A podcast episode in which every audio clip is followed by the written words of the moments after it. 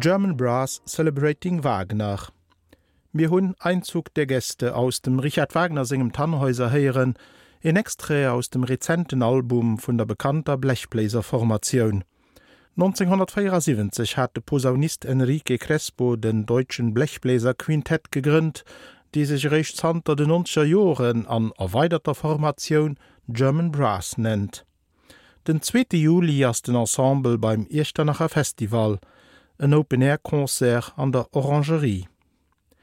Ichchternach ass haut de Schweerpunkt vun der Emissionioun, Ichtternach an den lange Feit mat Singer Gei, déi der seeche not Mënschen verzaubert huet. Zter 1972 zanter der Uropféierung vun der Lukoster hirem Oratorium der Geiger von Echtenach ass des Geschicht allgemengt Kulturgut, kein de Mengen, De jonken Dirigent an die Loch huet eng aner Erfäung gemer. Hien dirigiiert wiek den 2. Juli am Artikus zu Zollwer, an des 16. Juli an der Dekanatskirch zu Dickrich. Mir hunn eis mam an die Loch iwwer seng Erfäungen mat der Partitur ënnerhalen, wollten awer firop wëssen, wéiet an iwwerhäbt kënnt, dat den begeerten Kauersänger sech so motivéiert, an dat schwierigcht ëmfeld vun der Lützebauer Kowermusik lacéiert. Kower wann er ëmmer még Leidenschaft schon er ganz viele Kowerkeier gesungen, also das fir mech schon den Defi het ze Lützbech awer ze bleiwen an äh, dat dann noch bisssen unzepacke Fin allem will ich ganz viel an de Ververeine aktiv war a sinn. Gesinn dat ass még aufgab dat unzugoen fir och dann an de Ververeiner nees kucken dat Kower wie sinn enger in einer Statut krit oder in einer ja dat du bananer niveau auch fleisch zu bringen an de vereiner dat ich mein Vereinslewen as fichte an den Dirfer me van dat an auch nach eng gewisse qualität huet um so besser. An ich schwng du as eng eng Party abeg zu machen zie auch net wirklich viel äh, ausgebildeten Dirigenten her im Land. An schmengen dat kind den orbessen flechte summen mam inner kucken fir formationen unzubieden fir Dirigenten her im Land. De grundlehenden soziologische Wandel, die Litzeburg durchgemerk huet, bringet mat sich, dat de klassisch Struktur vum Gesangverein und Attraktivität verleiert, as sich eich dat Form vun engem Kör a projet durchsetzt.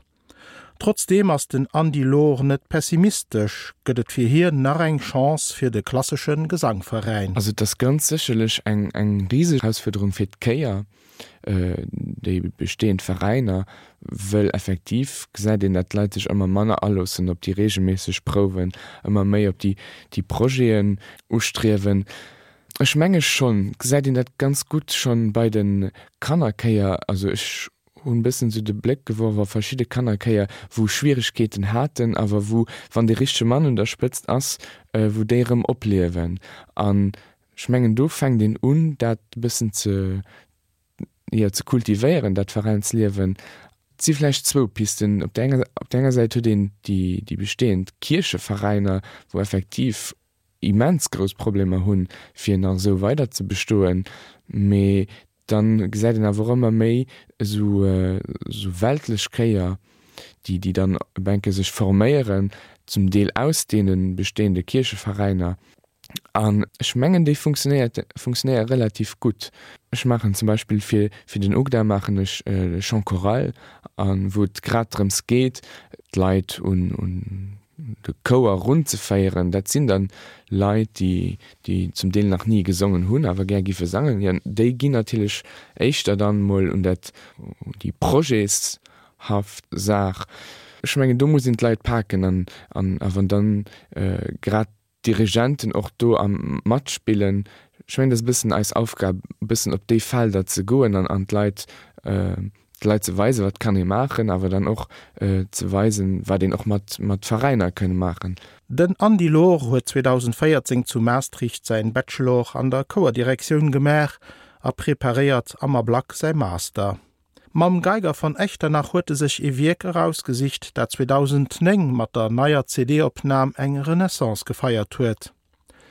Fi de jungen Dirigent ass et fron allem erstaunlich, dat der Lou Costa ein Oratorium trotzdem gräendeels nach unbekannt ass. Also ëschen 2009 entdeckt vun du hier do du war mans begeche tunsch mag gesagt, du willch unbedingt denke opfeieren, aber wat michch äh, wirklich erstaunt huet an, an iwwer all die Joren hunn ich immer so bisssen run Drëmmer getacht an a gefrot ma ja äh, kennt der dat Steck? An äh, sinn erstaunlech wéineg leit die dat Steck schlussendlich kennen. Schwes net wie den äh, he runm Staders mé äh, zumindest op lokalem äh, am regional äh, schaffe ganz viel an der gegen feinen äh, dickrech. äh, du hast dat wie gunnet bekannt an äh, dat war fir michch bis der herausforderung so okay ich will dat du machen und ich will eben auch net nimmen zu ihr danach oder an der staat opfäre mich will wirklich beit leid bringen an dürfir auch dann d'Entschädung gewecht dat zu dickrech an am Artikus opzefeieren. D'Erfäung vun der Entdeckung vum Wehrkurten an die Lor beim Ensemble Eurokantika gemer, dé sech fron allem aus Maderbeichter vun den europäesschen Institutionen rekrutéiert, an noch beim Sängerbund Dickrech mat denen en de Geiger opfeiert. Dei waren immens begecht, äh, sie allem begecht dat ähm, vun der Musik schon e se den Text verstanden hun sind Musik ganz flott fand, sie waren auch positiv überrascht an selbst Göttheit zuletzt Musik die die die net bekannt ist an die war aber so flott kann sehen an Hanuman den, den Text die den Text net direkt verstanden gëtt eng auch eng franzésche Versetzung do vunner die die die fannen die Geschichte natürlich immens interessant an ähm, das ganz gut dukom bei menge Sänger an awer op derner Seite den den Eurokantiker senkt jo net lengt, dats jo Koralmunicipal Sänger bon dickrech, wat dann letzte boier sinn wo alterem de hun och die die geschicht net kannt dat wirkt net kannt. Fir de waret äh, ganz interessant ze stand ähm, bis mir genau mat dem mat der legende am thema auseinanderzusetzen. Also et war ganz flott ze gesinn dat dat ze dann äh, immer recherchen ugestalt tun. An an der kom sinn ah ja den de beet gau da das du an do an äh, schule dat an dat no gesicht. Ähm, die die waren ganz passioniert fir de Kauerchef an die Loch ass der Lou Costa hiet wiek eng Komposition fir e Kauer awer och eng gros Herausforderung. Ech menggen der Dejas moll fir de Kauer de Reiz dat no en Oratorium ass den Geschicht ass die die äh, die war eng stonn ähm, dat wirklich die Geschicht riwer zu bringen den de Kauer den huet effektiv eng erzielen Funktionun dass den de Kauer den Geschicht verzielt an dat wollte ich auch dat dat bisschen river könnt dat den dat den text verständlich bleibt.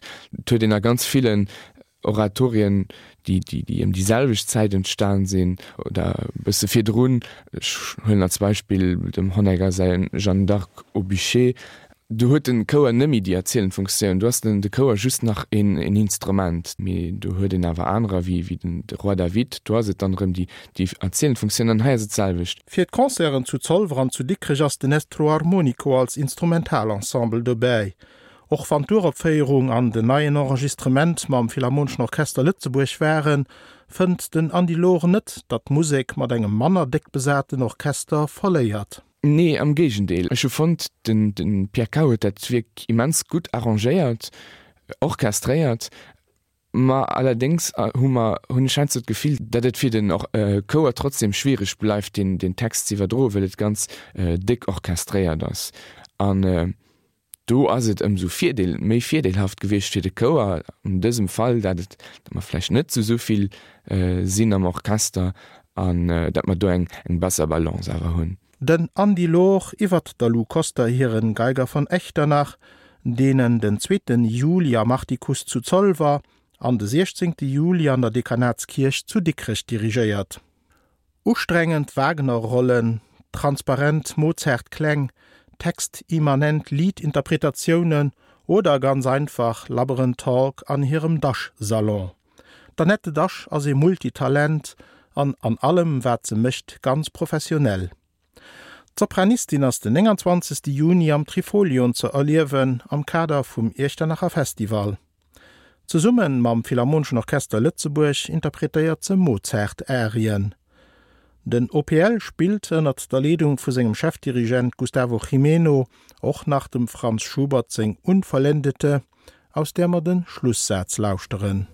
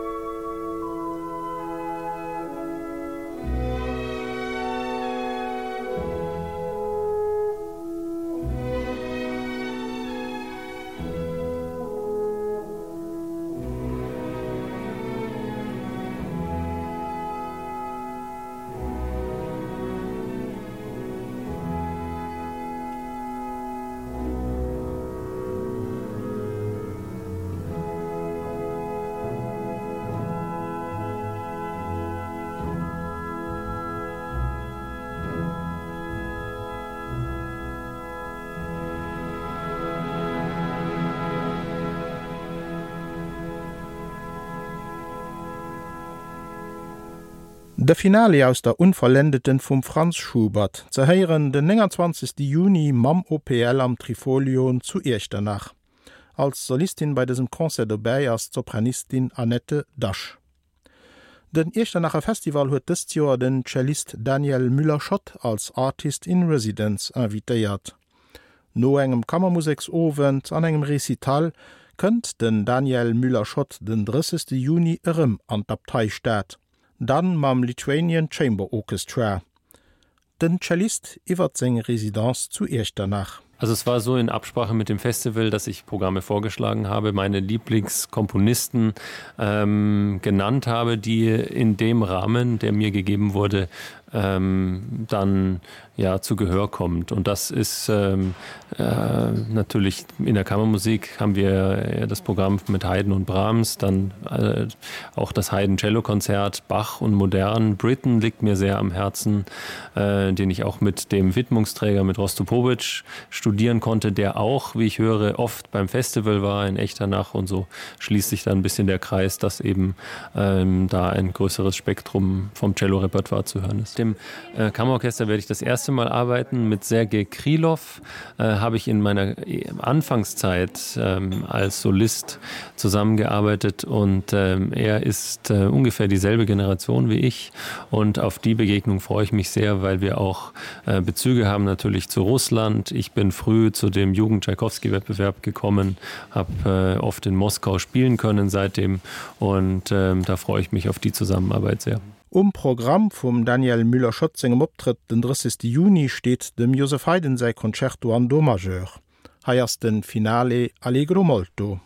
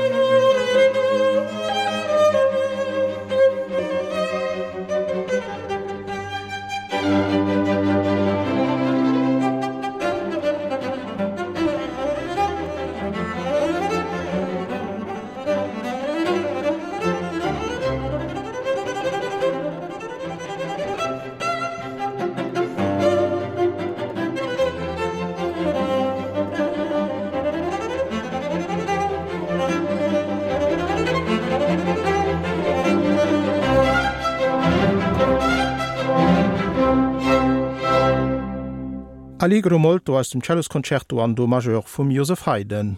Den Daniel Müller Schott spielt dese Konzerto den 30. Juni am Kader vum Echternacher Festival. 20 Joer ass den Martinelmquist antöcht Dirigent vun der Luxemburg Philharmonie. Dëssen Anniversär gëtt den 9. Juli an der Philharmonie gefeiert, mat zwee grosse Wieker, der 5. Symphonie vum Dimitri Schostakowitsch an dem Geie Konzerto vum Jean Sibelius. Solistin as Yu Yun Hong. Mi hunn eis ma Martin Elmquist iwwer sein Bilan vun dessen 20 Joer an noch iwwer Perspektiven vun der Luxemburg Philharmonie ënnerhalen. 20 Jahre ist lang, das ist ja ein, ein Lebensjahrabschnitt kann man sagen. Und äh, trotzdem ist es so schnell gegangen. Man fragt sich, wo sind diese 20 Jahre geblieben? Das ist wirklich äh, erstaunlich. Ja, das Orchester hat sich ja vergrößert und äh, auch qualitativ verbessert, muss ich sagen. Ähm, es gibt ja mittlerweile ziemlich viele ähm, Profis oder sagen wir so Musiker, die eine professionelle Ausbildung äh, haben und dann für irgendeinen Grund einen anderen Beruf für die alltägliche Leben gewählt haben. Aber ähm, die das wirklich nimmt den Niveau vom Orchester nach oben. Und äh, zahlmäßig sind wir ja auch ziemlich viel. Wir werden in der Philharmonie 92 Musiker auf die Bühne sein. Ist das jetzt äh, das komplette Orchester, so wie es sich äh, heute präsentiert mit 92 Musikern oder ist das jetzt wirklich für dieses Konzert äh, eher die Ausnahme? Ja, das ist ja für Schostakowitsch Symphonie sind einige mehr Musiker als, äh, als bei den traditionellen Konzerten, weil Schostakowitsch verlangt ja große Blechbesetzung, große Perkussionsbesetzung. Klavier, Celeste, Harfe und äh, das ist klar, das, das sind Rangforce sozusagen. Wenn man jetzt äh, so ein Orchester hat äh, in puncto auch äh, Besetzung, muss man das Repertoire dann auch so auswählen, dass möglichst äh, jeder dann auch immer mitmachen kann, also jetzt nicht unbedingt äh, ja, auf kleinere Besetzungen zurückgreifen eher, dass jeder was zu tun hat im, im jeder Konzert. Ne?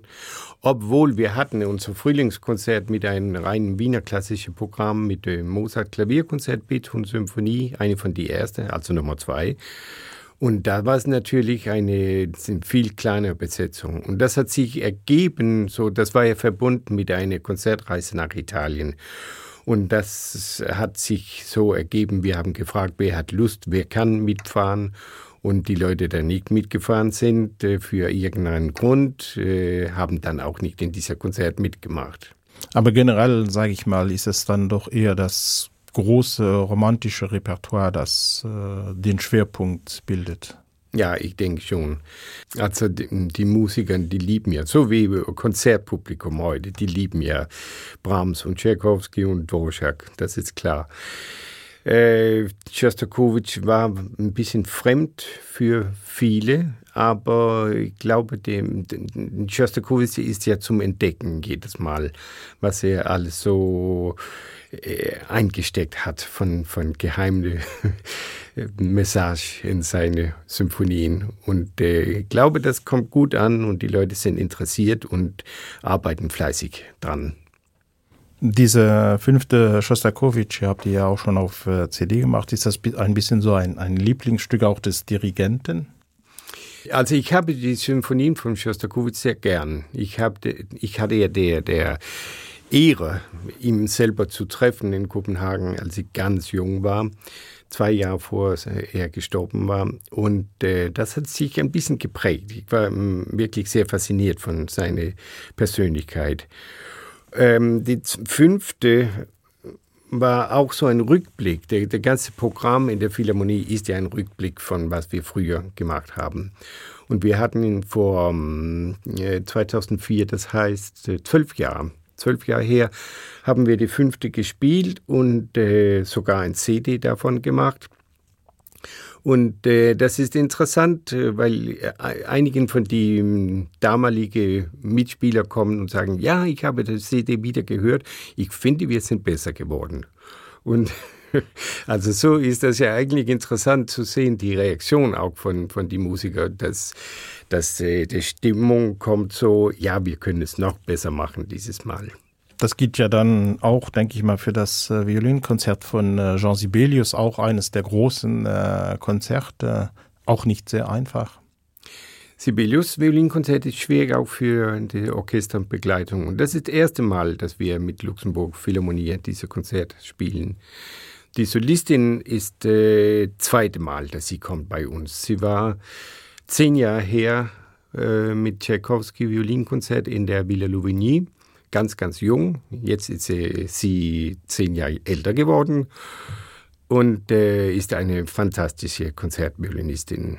Das Konzert, wie gesagt, ist ein bisschen ein Rückblick äh, auf das, was äh, da gewachsen ist in 20 Jahren. Äh, muss natürlich auch ein bisschen nach vorne schauen. Äh, wie sind die Perspektiven oder was strebt man noch an als Orchester, als Dirigent?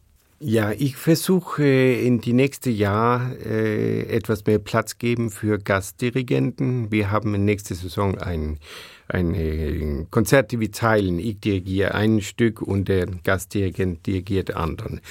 Da haben wir ein Konzert mit einem portugiesischen Dirigent und wir haben ein Konzert, wo unser sagen wir stellvertretende Dirigent äh, Lynn Moore äh, dirigiert einen Teil vom Konzert.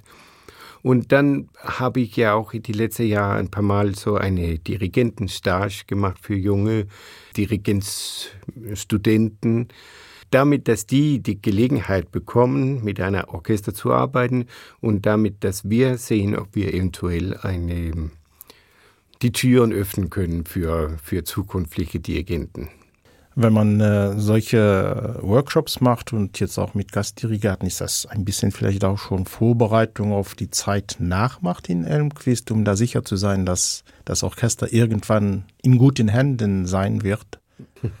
Ja, natürlich ist das ein, ein bisschen mit dieser Hintergedanke, weil äh, ich kann ja nicht ewig dabei bleiben. Und, äh, aber ich glaube, ich habe mm, einige Sachen erreicht. Ich glaube, ich habe Luxemburg Philharmonie einen Platz in Luxemburg Musikleben gegeben. Ähm, als ich angefangen habe, äh, hieß das, wurde der Name vom Orchester auf Englisch gesprochen, Luxemburg Philharmonia. Und jeder in Luxemburg Musikleben hat gesagt, ah ja, das ist das Orchester von die EU-Beamte. Und das wollte ich absolut ändern, weil ich finde, das sollte ein Luxemburger Orchester sein. Und das ist mittlerweile so geworden.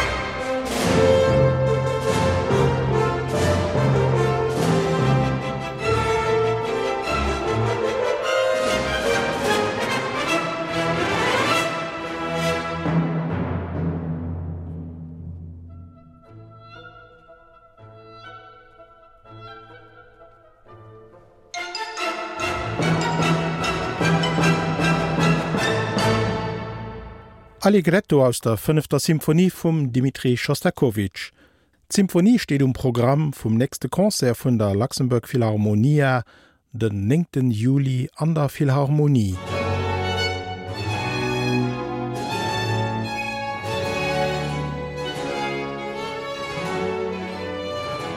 Den 10. Juli as se dann den European Union Baroque Orchestra Residenzorchester beim Ichtenacher Festival, den am Trifolion optritt.